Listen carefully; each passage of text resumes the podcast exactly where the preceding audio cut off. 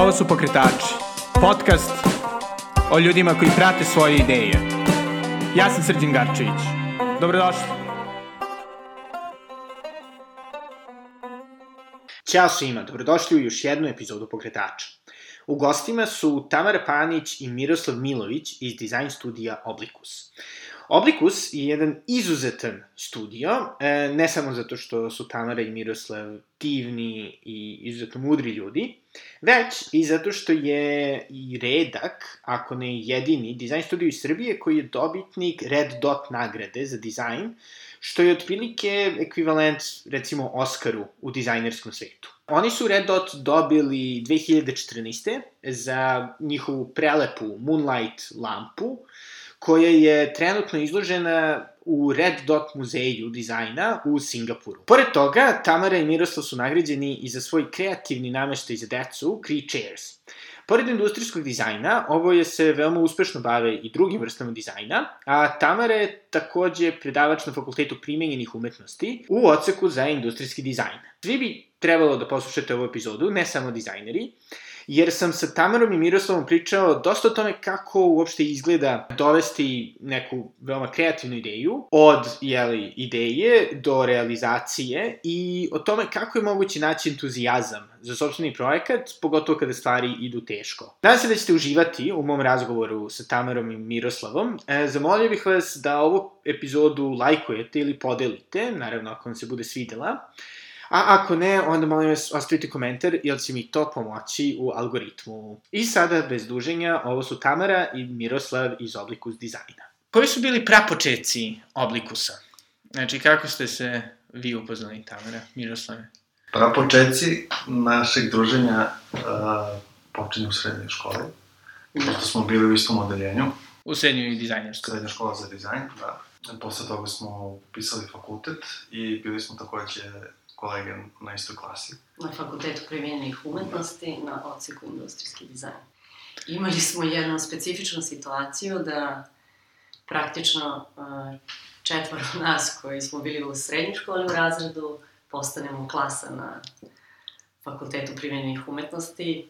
Svi u industrijskom dizajnu. Da, tako da je to bila prapočetak obliku se zapravo i priča o prijateljstvu, s obzirom da je m, potpuno drugačiji osjećaj i m, profesionalno e, da se razvijati u jednoj takvoj atmosferi, tako da je to mm. neprocenjivo.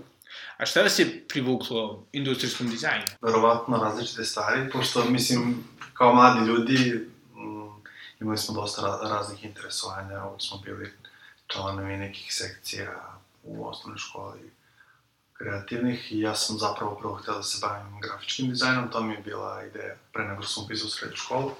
Onda sam naučio šta je ovaj, dizajn proizvoda, industrijski dizajn, gde može se primjeni, kako funkcioniše i to me da, ovaj, privuklo.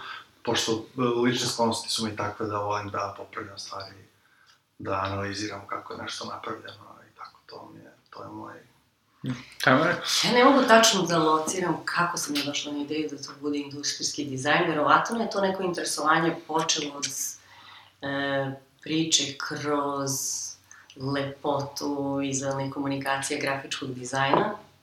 Ali sećam se da je zapravo istraživanje koji su to smerovine u, u, u dizajnerskoj dovelo do toga da ideja o tome da e, jedan proizvod može da promeni način kako ljudi se žive na svakodnevnom nivou, me je privukla i tu sam videla nekako mogućnost da to bude veći, veći doprinos, iako naravno potpuno nije tako, mislim, apsolutno može čovjek da doprinese i u grafičkom kontekstu, ali u tom trenutku sam ja kao poverovala da je to put za mene.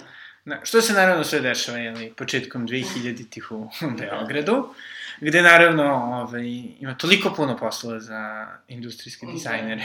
Čak mi 2001. upisujemo fakultet primenjenih umetnosti, što je bio dodatni entuzijazam, jer smo već u tom periodu bili svesni da je vrlo izazovno se profesionalno ostvariti kao mlad u, u, u okruženju gde živimo. Tako da moram da priznam da je to bila neka vrsta optrećenja koju smo sigurno svi imali, ali koja nas nije, nije, nije sprečila da ostanemo entuzijasti. Da, i onda ste neko vreme, jeli, zapravo posle fakulteta radili u grafičkom jel tako, dizajnu i da, marketinškim da. kompanijama i onda stvorio Oblikus. Šta vam je bio okidač? Imali, imali smo, ovaj, mislim, nakon završetka fakulteta, naravno veliku želju da budemo mladi samostalni ljudi, da imamo svoj posao. Ovaj, I onda smo, pošto je to u suštini za sve kreativne ljude jedina grana koja funkcioniše i postoji određeno tržište poslova koje je značajno, znači marketing i sve oko brendiranja i nešto što se tiče vizualnih komunikacija, onda smo radili na, u, u različitim marketinškim agencijama. Ja sam čak jedno vreme radio kao dizajner interijera u jednoj firmi. Ove, I posle par godina pojavila se prilika da radimo zajedno u jednom malom studiju koji se bavi marketingom. I tu se, tu se u stvari napravilo lepo okruženje gde smo mogli da uz dnevni posao imamo vremena da kreativno razmišljamo o tome kako može da se osmisli neki proizvod kojima bismo mi bili zadovoljni. U tom trenutku, periodu tog razvoja u profesionalnom smislu, delovalo nam je kao da se odaljavamo od onoga što je e, suština biti broj, ovaj, dizajner proizvoda, međutim, svi ti neki do, dodatni zanati pomogli su nam da drugačije vidimo kakav bi trebao da bude narativ oko samog proizvoda, kako se komunicira ideja, kako se kreira priča oko proizvoda i pomogli su nam da se koncentrišemo više na korisnike i na emociju koju taj proizvod može da, da ovaj, donese i ispriča. Tako da je to nekako kompletiralo taj zanatski deo koji smo dobili stvarno dobrim školovanjem kroz dizajnersku i fakultet, obojilo je potpuno o, i kompletiralo nas u profesionalnom smislu. Oblikus je bio onda poligon da sve to što smo imali kao talenat i tu akumulirano znanje predstavimo okolinu u kojoj funkcionišemo, prvenstveno i profesionalno, i zemlju u kojoj živimo i naravno svetu Da, i kako je, kako je zapravo izgledalo, da kažem, taj, ono, prvi moment kada je obliku zapravo nastao, jel to odmah bio, je li projekat vaše nagrađene lampe ili nešto drugo je bilo? Kaj sad ćemo da probamo da dizajniramo, ne znam, čašu? U suštini mi smo ovaj, e, razmatrali razne teme, jer nam je ideja bila da ne napravimo još jedan proizvod koji bi bio nekome estetski privlačan, nego da razmišljamo u smislu da napravimo, da osmislimo proizvod koji će da unapredi nečiji dan ili život ili okruženju u kome se nalazi, tako da ovaj, bile su tu razne neke, neke ideje za, za proizvode, prosto smo tako, eto. Da, na primjer, šta je, šta, koje su bile ono, je li bila neka ono ekstra smešna ideja? Šta? pa znaš šta, to je kao šta bi sve moglo, zato što e, velika sloboda zahteva, prosto zahteva veliku odgovornost i to je kao, ako, ako već komuniciramo taj jedan proizvod, šta, šta bismo mi to volili, negde je odluka je pala na, na e, proizvode koji smo mi želeli, da priželjkivali da dobijemo klijente i da nam poruče takav posao i da u tom trenutku rasveta nam je bila jako interesantna i deluje. Bez obzira što smo mi onako razmišljali o onako, raznim idejama, zapravo prva ideja koju smo želeli da predstavimo svetu, e, desilo se da je razvoj bio neverovatan. Mm -hmm. Tako da u tom periodu smo paralelno počeli da razmišljamo o nečemu što bi bio dobar kvalitetan proizvod za decu i rasveta je bila, mislim, nekako uzak centar interesovanja. I ono što nam je bilo važno i što nam je nedostajalo je da e, probamo da ispričamo priču o e, proizvodu i ideji, da to iznesemo od koncepta do realizacije i da nešto što suštinski nikad nismo imali prilike, a to je da učestvujemo u samom, e, u cijelom procesu projektovanja, uz mogućnost da okupimo neki tim ljudi koji bi nam pomogao da tu ideju učinimo stvarno. Tako da je to stvarno bila, e, bio veliki entuzijazam što u tom trenutku imali po no, 30 godina, tako da je... I poslove sa strane. Da. Imali smo dnevne poslove koje smo, od kojih smo živjeli i onda smo uvek nekako davali taj dodatni napor da se bavimo stvarima kojima, ovaj, kojima bih smo volali da, da se bavimo. A kako ste to balansirali čisto, pogotovo ono na početku, kao kada nije ni bio proizvod? Pa, u suštini, dobili smo podršku od uh, ljudi sa kojima smo radili, uh, dobili smo podršku od prijatelja i porodice, jer to je ono kao, važno je da se formira ta neka inicijalni entuzijazam oko svega toga. Mislim, prosto čovjek bez toga ne može da istraje. Ja. I taj osjećaj kada dobijete informaciju da neko veruje u ideju kao takvu, onda je nekako mnogo lakše da se to sve da. izgura. Je li bila nečija ono kao posebna podrška što vam je kao koja vam je značila da kao, da, ovo će možda da bude pa, dobra ideja. tu uh, je bilo mnogo ljudi koji su, to sad vi, nije ni stvar neke, nekog velikog čina ili manjeg čina, pojavljivali su se određene osobe u određenom trenutku koje su pravile neverovatnu razliku i usmeravale projekat u dobrom pravcu. Da, i sada, ovaj, ako biste mogli da ono, slušalcima ispričate, kako je izgledalo zapravo ono, razvijenje projekta od početka do, jeli, ovaj, red dot nagrade? U, u tom konkretnom primjeru, mi smo u, u suštini u trenutku kada smo već e, razvili tu neku ideju konceptualno, kako bi izgledalo iskustvo nekoga ko koristi to naše rasvetno telo, ovaj, shvatili smo da je baš u tom periodu traje prijeva za redot nagradu i odlučili smo da napravimo jednu kompletnu adekvatnu prezentaciju koja je uključila znači predstavljanje klasično renderinga kako izgleda lampa, napravili smo male animacije koje su bolje objašnjavale funkciju i ovaj, to smo poslali u taj konkurs. A jel tada je, je postojao proizvod? Mislim, postojao kao prototip? Nije. Ne, samo je bila da. Zamisla. To je sve postojalo digitalno i na... Virtualno. Na, na, da, da, i, i na našim skicama. Tako da, ovaj, mi smo osmislili, znači, to, taj proizvod i neko iskustvo.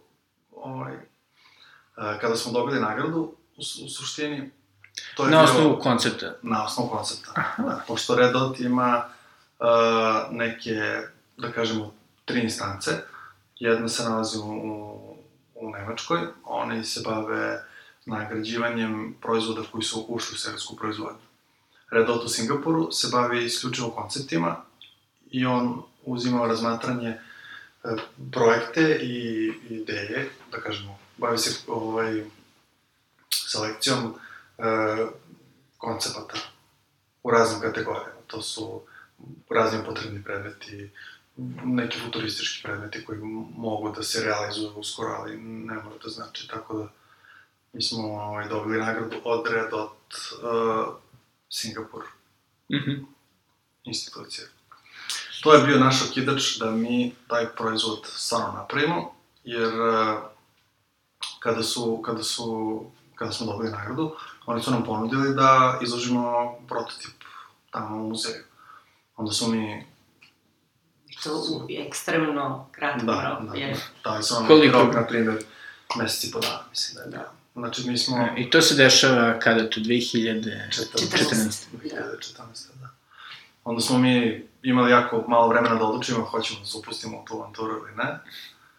Ovaj, S obzirom da je u kategoriji rasvete proizvod dobio nagradu Best of the Best. To znači da od 5000, na primer, pristiglih radova te godine, pa u okviru rasvete su postojali nagrađeni neka rešenja, recimo. Ali kao jedno je najbolje, najbolje koje u suštini nagoveštava kuda rasveta ide u kontekstu ovaj, sad tih nekih novih ideja. ja se sećam da, um, ono, kad mi je stiglo SMS od Miroslava koji je glasio imamo problem, dobili smo red dot. I šta je to značilo? To je značilo da su oni rekli, ok, ovo je best of the best rešenje i apsolutno ćete imati priliku da dobijete svoj zid na dodeli nagrada gde se u isto vreme organizuje i prezentacija, odnosno izložba ovaj, nagrađenih radova. Tako da su oni podrazumevali i da naravno imamo prototip, što mi naravno nismo u tom trenutku imali, ali smo onako hrabro zamislili da možemo mi to i upustili se u avanturu. Sam, da, sam, sam proizvod je imao neke izazove u tehničkom smislu, zato što mi smo zamislili da to bude jedno uh, geometrijski je jednostavno ovaj, dizajniran kao objekat, koji u suštini gde je akcenat na, na iskustvu korisnika i, i to, to interakciji. To je u stvari uh, jedna rasvetna tela koja ima dve, tri veličine, to izgleda kao diskovi nekim, grubo rečeno, koji mogu da se aranžiraju na zidu u raznim, na razne načine, ovaj, gde uh, korisnici dodirom menjaju način na koji ta svetlika svetli, ima dva svetla, prednje i zadnje, i onda tu može da se napravi ogroman broj kombinacija, ovaj, gde se postiže drugačija atmosfera. Onda sam, sam taj uh, deo uh, funkcionisanja je bio u stvari dosta izazovan. Zapravo ja mislim smatram da apsolutno mislim da se Miroslav slaže da razlog zašto je to bilo tako visoko kotirano je zato što nije akcent bio na samom proizvodu i dizajnu lampe, nego sam proizvod je potpuno bio u drugom planu u odnosu na to da smo mi želi da dizajniramo uh, kreiranje atmosfere, odnosno igru svetla i senki i da to sad potpuno podiže proizvod na neki novi kontekst. Tako da je ta interakcija sa samim predmetom koji bi trebalo da reflektuje to neko sad unutrašnji emociju ili ideju kako treba da izgleda atmosfera u prostoriji, je bila uzbudljiva, verovatno, za njih. Tako da... da... Kako je uopšte palo na pamet? Mislim, gde ste, gde ste dobili inspiraciju za, za lampu? E, proizvod se rodio kroz naš razgovor. Odlučili smo da nam je vrlo primamljivo da se bavimo, na primjer, rasvetnim telom. I onda smo razmišljali bukvalno kroz razgovor šta, šta znači imati jedno rasvetno telo na zidu, ka, zašto ono postoji. Ako neko priđe da, da koristi, na primjer, taj proizvod, kako je njegovo iskustvo, šta je sledeće što može da, kako to iskustvo može da se unapredi, unapredi ili nadogradi. I to je prosto, to je bio neki tok razmišljanja gde smo mi ovaj, od, od jednog rasvetnog tela koje svetli, da bi osvetlilo prostoriju, došli do toga da um, napravimo nešto zanimljivo, što ima neku, što može da napravi atmosferu, emociju, što nije banalno korišćenje proizvoda. I onda se odlučili da bude, pretpostavljamo, i taktilno, i da tako. U to vreme bila ekspanzija kontrolisanje rasvete preko mobilnih aplikacija, bežično, ovako ili mhm. onako. Mi smo na kraju i tu tehnologiju ugradili, ali naša ideja je bila da nama je bilo lepo da korisnik ima stvarno kontakt sa, sa objektom koji, koji pritom se ponaša u zavisnosti od toga na koji način je korisnik odabrao to da manipuliše. Da, da. Jer suštinski zapravo uh, proporcionalno je ples između prednjeg i zadnjeg svetla bio direktno posledica načina kako je neko upravljao ovaj, lampom i u kom pravcu je išao u prvom smislu mehanički, a posle ovaj, smo preneli tu tač kulturu. Da, imali smo par i tehničkih iteracija, prvo smo da, imali to je. taj, taj mehanizam koji je to omogućava bio mehanički, imao je određenu elektroniku sa nekim potencijometrom, ali posle smo ovaj, to napredili, ugrađen je kapacitivni sensor koji reaguje na dotik, nešto kod prilike kao kod mobilnih telefona. A sada da se vratimo ali, na izradu, znači imate koliko, dva meseca? Mesec i po dana. Mesec i po, da. još bolje. Znači između ono, poruke i odlaska u Singapur. Da. To je, to I je... poslove sa strane. Da, i poslove sa strane. To je ovaj, bilo vrlo intenzivno, da, da, da lago kažem, pošto smo radili danju i noću. Jer razvoj jednog takvog proizvoda u nekim normalnim uslovima sigurno bi trajao godinu dana. I podrazumeva tim ljudi koji su da. uskostručni u segmentima raznih, raznih koji stoka, da. mogu da doprinesu proizvodu. Mi smo imali veliku sreću da smo u okruženju imali prijatelje i rođake, bliski ljude koji su svojim prvo znanjem i drugo voljom i entuzijazmom da učestvuju tu da nam pomognu. Inače to ne bismo uspeli da uradimo. Jer je bilo dosta prvo tehničkih izazova, jer, na primjer, rasveta je tanka, mi smo postavili svetla sa strane, ona ima cela prednja površina, mislim, dve trećine više je osvetljeno, pa onda tu je trebalo postići uniformno osvetljenje, koje izvor su bile LED diode koje su tačkaste po prirodi, tako da tu je bilo, uh, onda mi smo odlučili da to bude napravljeno od aluminijuma, zbog boljeg hlađenja, prosto je i ima niz tehničkih nekih odluka koje su bile rezultat nekog istraživanja, proba, pokušaja. Tako da to sve je išlo rapidno, vrlo, vrlo, vrlo brzo. A, čekajte, a mislim, recimo to, taj izbor aluminijuma, led Mhm. dioda i svega, je li to bilo uređeno kada ste vi zamislili lampu ili za tih ono mesec i po dana? Veći deo o, je ranije, Mhm. te te odluke su, jer smo mi, na primjer, dok smo Da. pravili koncept, mi smo uh, imali predstavu kako, kako da. će to da se napravi. Ne, ne u baš fine detalje, ali načelno, prosto kada razmišljamo o dizajnu, mi uh, posjedujemo znanje da projektujemo i digitalno, kroz 3D model ili kako već, ovaj, proizvod na taj način da on je izuzetno moguće, moguće napraviti ga bez nekih problema.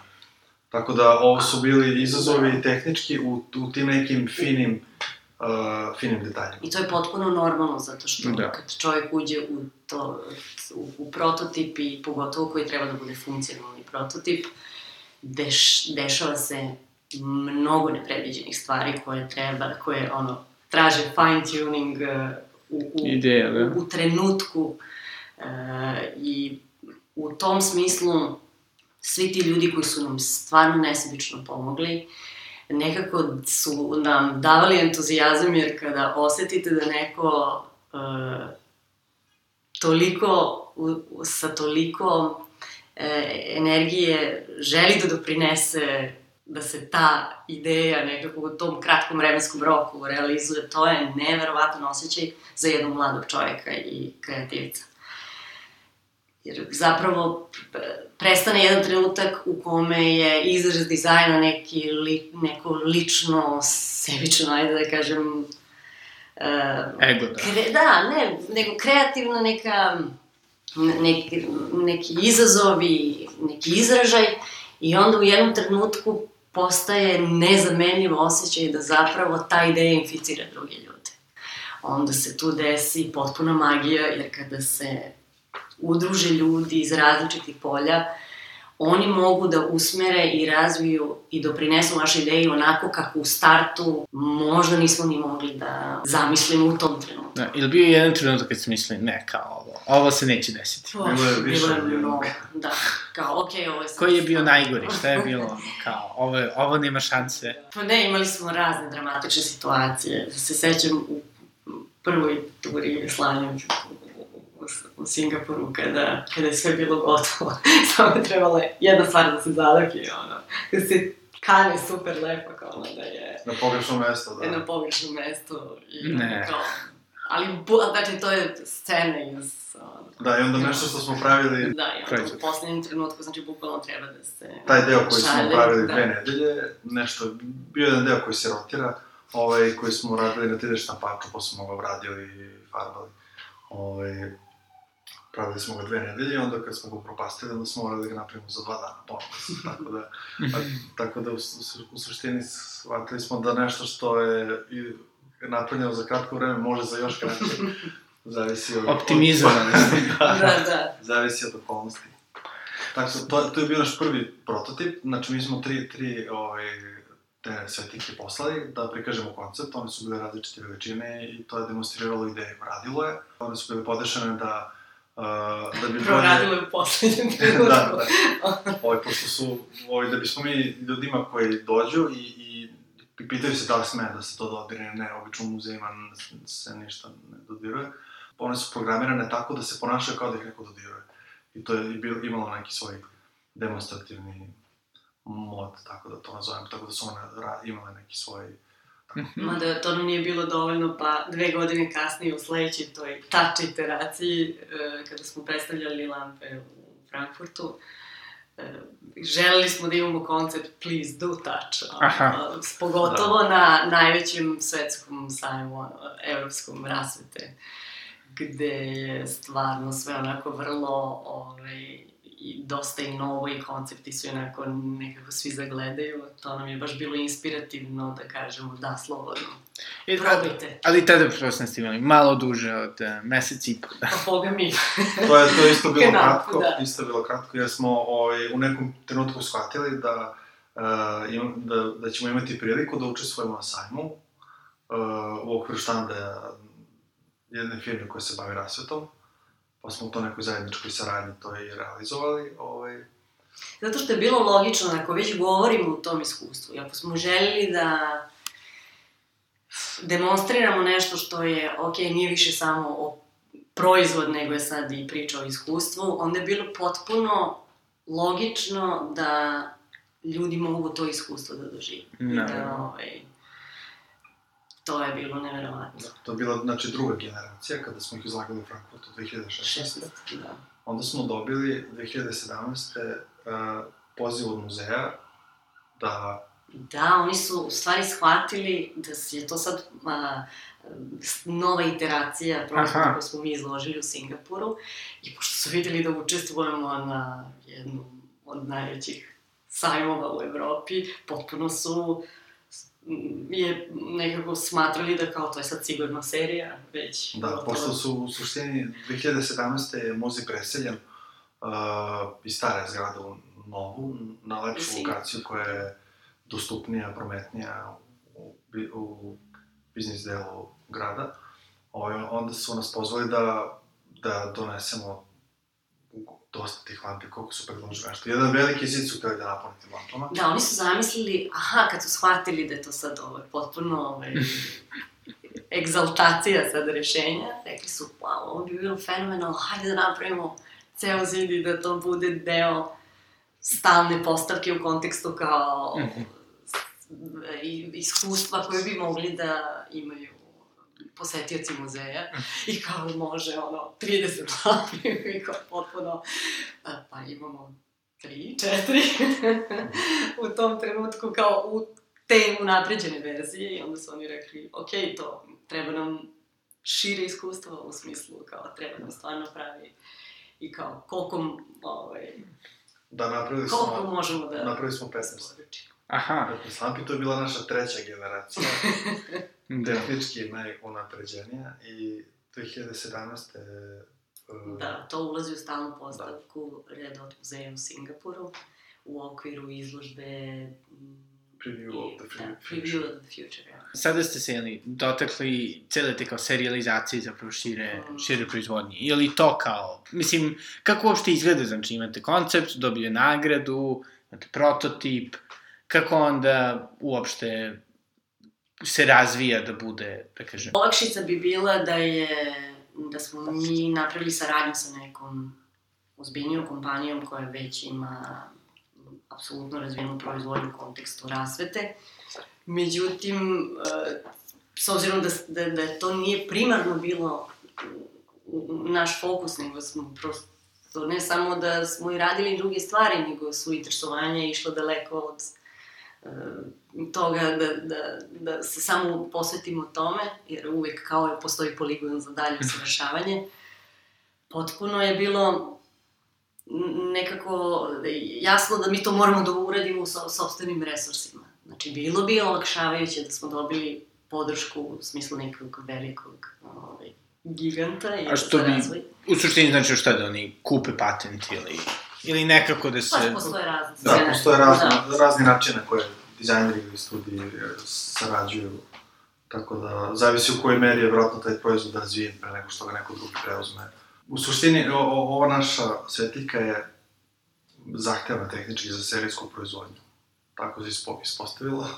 Jer smo mi u, ne, u nekoj, nekoliko navrata pokušali sa nekim da to da, napo, da napravimo takav neki neku saradnju, ali ispostavilo se da to dosta zahteva, jer unutra postoji neka fina tehnologija, ima dve, tri vrste uh, nekih čipova, jedan se bavi komunikacijom, Wi-Fi, jedan je za tak, ovaj sensor kapacitet. Mm -hmm.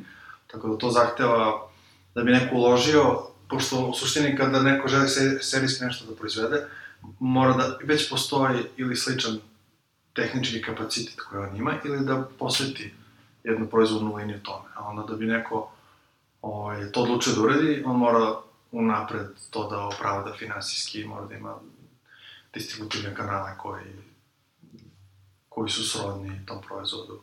Što... Tako da tu ima do, dosta faktora koji, koji treba da se uključe. Što suštinski nas nije sprečilo da 15 funkcionalnih lampi isporučimo. Sad jed, jedno je da li vidite na sajam pa ste tu pa eventualno i postoji neka vrsta backupa da li funkcioniše, da li ne funkcioniše, da li se nešto nepredviđeno desilo. Mhm. Situacija sa ovom poslednjom iteracijom je spakovati 15 lampi, isporučiti ih gde oni prema uputstvu treba da povežu to sve i da svaka lampa funkcioniše. Mislim, naravno, to. Non stop, da. Sa, da. Iza, iza svega toga... Gde svako pipa. da. Tako je, i da to bude stabilan uređaj. Tako da, iza svega toga je velika upornost i, i lični resursi, pogotovo kad smo shvatili da ne možemo da dobijemo podršku. Možda to nije čak ni nemogućnost da dobijemo podršku u tom trenutku, više neki stice nekih okolnosti. Tako da, e, veliki, ono, podrška sa strane ljudi, veliki entuzijazam, upornost da nađeš da imaš taj neki narativ kada stvari krenu potpuno nepredviđenim tokom, da, da kažeš ok, ovo sve ima razlog, ima smisla, tako da je vrlo jedna onako amplituda u kontekstu tog puta, ali je zaista se isplati biti uporan. Da, a čisto me interesuje na nekom profesionalnom nivou, znači vi dobijete Redot nagradu 2014. ali... Uh -huh Ove, kako se to odrazilo na vaše, da kažemo, dnevne poslove?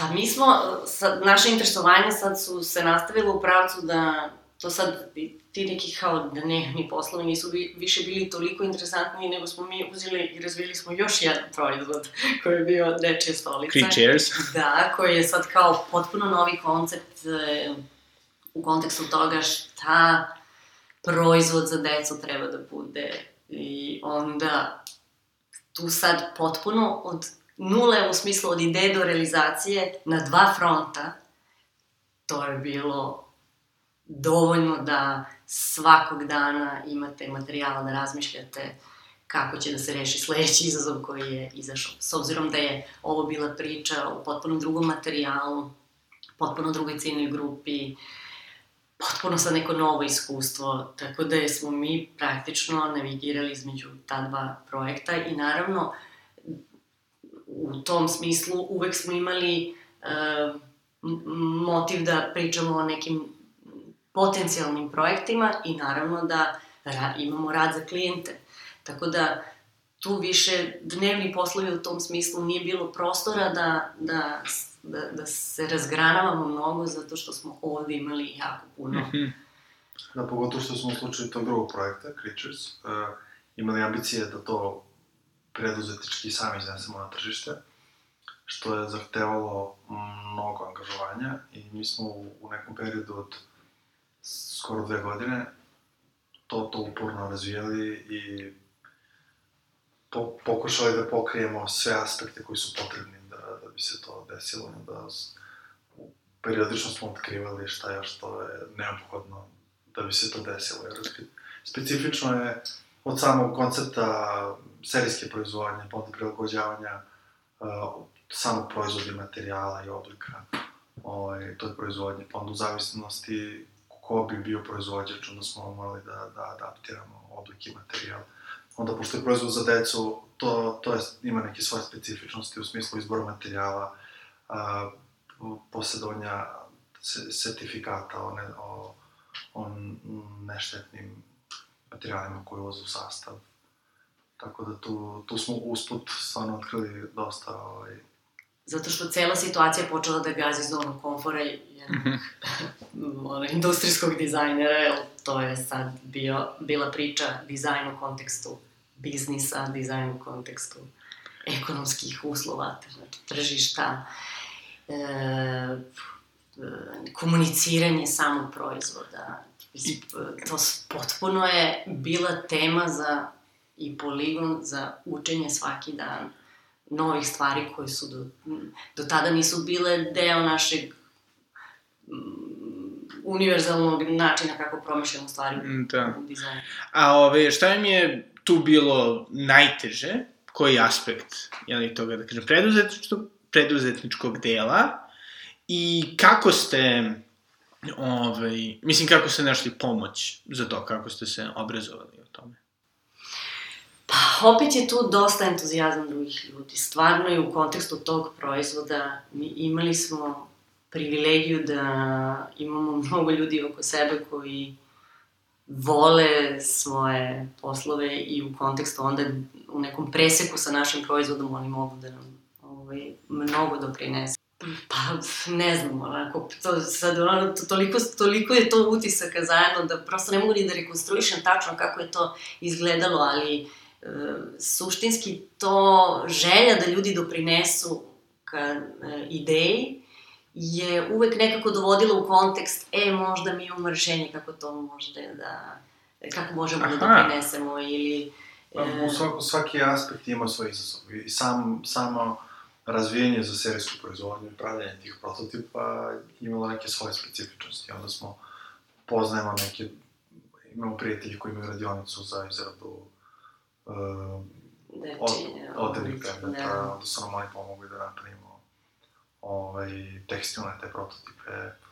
Onda smo najmili stručnog saradnika koji, koji se bavi drvetom sa... Znači, trebalo je to ući sad u fine da. detalje. Da. U, išli smo na seminare za preduzetništvo. A, ovaj, ali samo da se rećemo na jedni prvi deo pitanja. Šta je mm konkretno, mislim, možda, što sam da su različite stvari za, za jedno i za drugo, vam bilo kao najteže? Što je kao niste očekivali da će da bude problem? Evo, ako mogu ja prvo da dam jedan lični utisak. Najteža stvar, baš smo o tome razgovarali skoro, je e, u isto vreme i jedna od najlepših stvari, a to je privilegija da učestvujete u nekom projektu sa osobom koja je vaš prijatelj sa kojim se znate 20 godina i, i družite, je z, fantastična stvar i u isto vreme veoma veliki izazov. U nekoliko slučajeva, pogot, e, prvo je zato što je sama priroda e, kako funkcioniše jedan dizajn studio, kako se komunicira, sve, sva ta atmosfera oko preduzetništva je vrlo stresna, pogotovo kad nemate eksternu podršku što se tiče nekih uh, većih sistema, financija i ostalo. Tako da je to u svakom trenutku poligon za neku i tenziju i nesuglasicu i samim tim je velika mogućnost da utiče i na samo odnos prijateljski. Tako da, koliko je i privilegija, toliko je i s druge strane veliki izazov. I to stvarno dvoje ljudi treba da istraju u tome da mm, da imaju ogromno poštovanje jedan prema drugom da bi mogli da istraju o tome. Pogotovo kao u našem slučaju što se i po senzibilitetu razlikujemo, što je negde u, u tom preseku pokazao i da je na kr u krajnjem rezultatu stvarno... Dobra formula. Dobra formula. ali potpuno različiti senzibiliteti, prirodno dve osobe koje zaista veruju da mogu da doprinesu i veruju da je rešenje koje mogu da ponude dobar put, je bio, ja mislim, najveći izazov da po meni da, da, da sačuvamo to što je e, u kontekstu prijateljstva da ostane netaknuto, a da preživimo te turbulencije, ove, mm -hmm. preduzetničke. Da. Isti odgovor ili? Da, isti odgovor. To je onako i intimno, a u nekom smislu eksternom, s- mislim, sam taj poduhvat je stvarno puno izazova, jer mi smo shvatili da učimo nešto, to je izazov, fokusiramo se na to i onda kad se popnemo na taj prežuljak, u stvari vidimo još nekoliko takvih i onda pokušamo svaki iznova iznova da pređemo.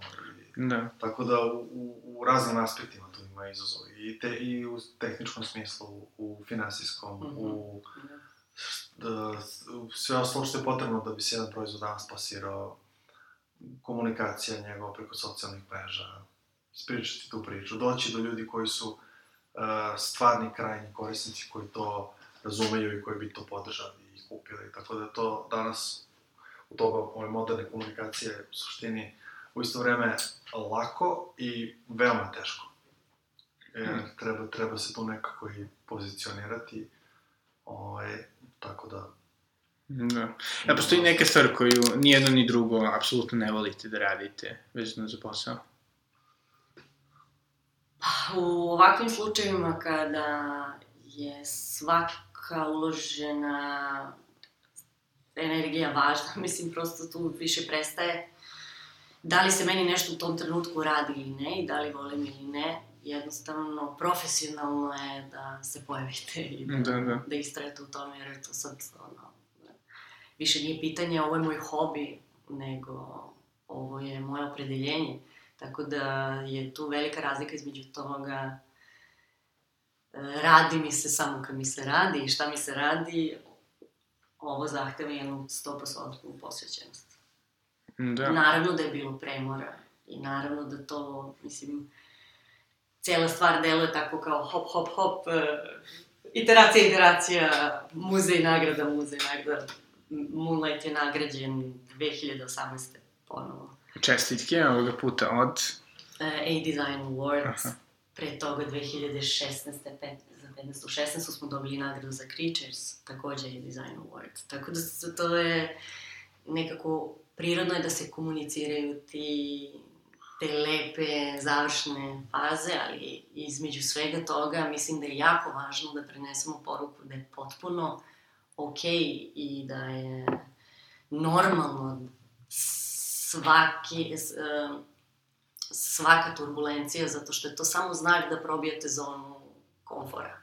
Da, ali ja mislim da je ono, kao filozofski cijela ta ideja kao ono, moram da idem van zone komfora, meni malkice onako kao problematično, zato što u suštini uvek želiš da probiš zonu komfora da bi našao novu, bolju zonu komfora. Pa, da. Definitivno. Da, ovaj, tako da, ali šta je, šta je to bilo, čemu ste kao, mislim, šta vas je držalo kroz te, kroz te ideje kao? Pozvano, dobit ćemo nagradu ili šta je, šta je Na- kao na- cilj? Na, naš cilj je u stvari bio da uh, gled- gledali smo, prilike, pokušali smo da gledamo što dalje. Na kraju krajeva taj proizvod, naša najveća satisfakcija bi bila da neko kome taj proizvod namenjen, da ga stvarno koristi i da uživa u njemu i da možda mi tad još nešto naučimo, pa još nešto napredimo, a to je neki put. Nagrade su došle usput, kao uh, neka, neki poligon koji nam je poslužio da, uh, pos, da postignemo neku vidljivost, i međunarodno, na primjer, i dala nam je dodatnu motivaciju, jer u okruženju gde je sve prosto napor i, i Mhm, ovaj, To je suština. prosto kada vidite da neko prepozna i nagradi neki trud i radi neko razmišljanje, to stvarno je to motivacija za sebe. Da, Mislim, vrlo je izazovno za mlade dizajnere, industrijske dizajnere u kontekstu zemlje koje živimo. Svest o tome nije dovoljno velika, važnost dizajna proizvoda, nema puno razgovora na tu temu.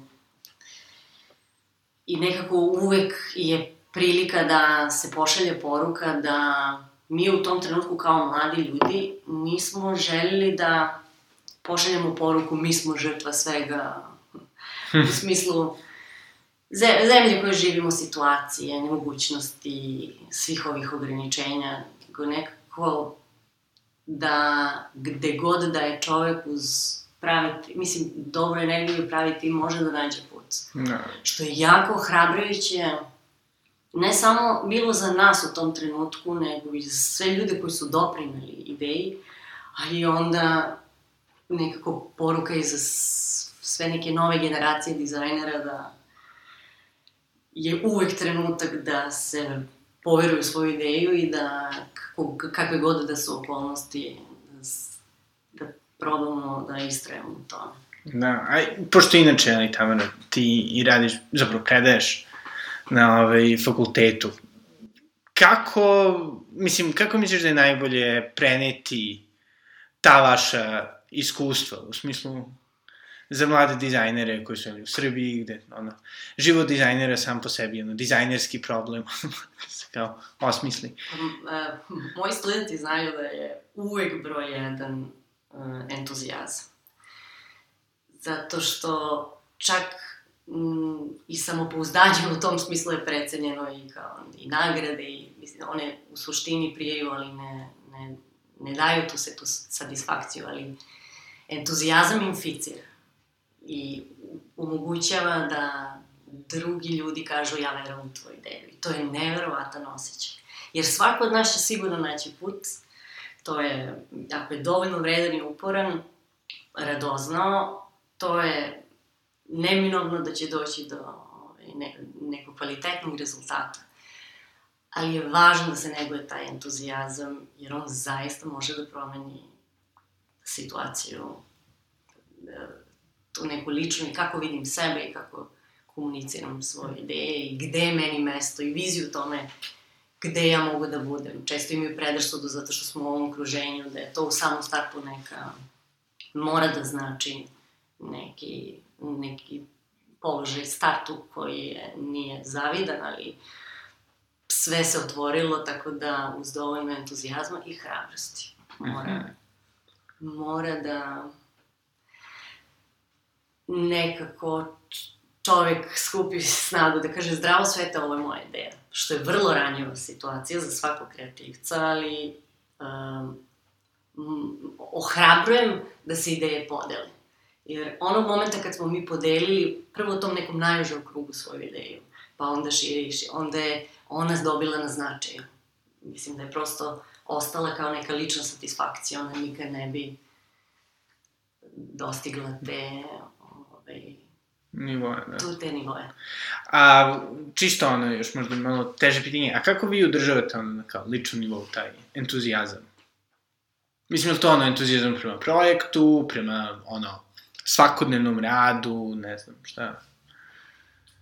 Pa, ja mislim da to nekako do, dolazi iznutra i, na primjer, uh, po meni motivacija uh, treba da bude nešto što se nadograđuje stalno. Ovaj, u smislu čovjek treba da teži da radi to što voli, uvek će biti stvari koje su neminovne i koje mora da, da uradi, ali ja se nekako uvek fokusiram na rezultat i, i fokusiram se na to nešto, na primjer, što, sam, gde, što hoću da postignem i gde sam krenuo.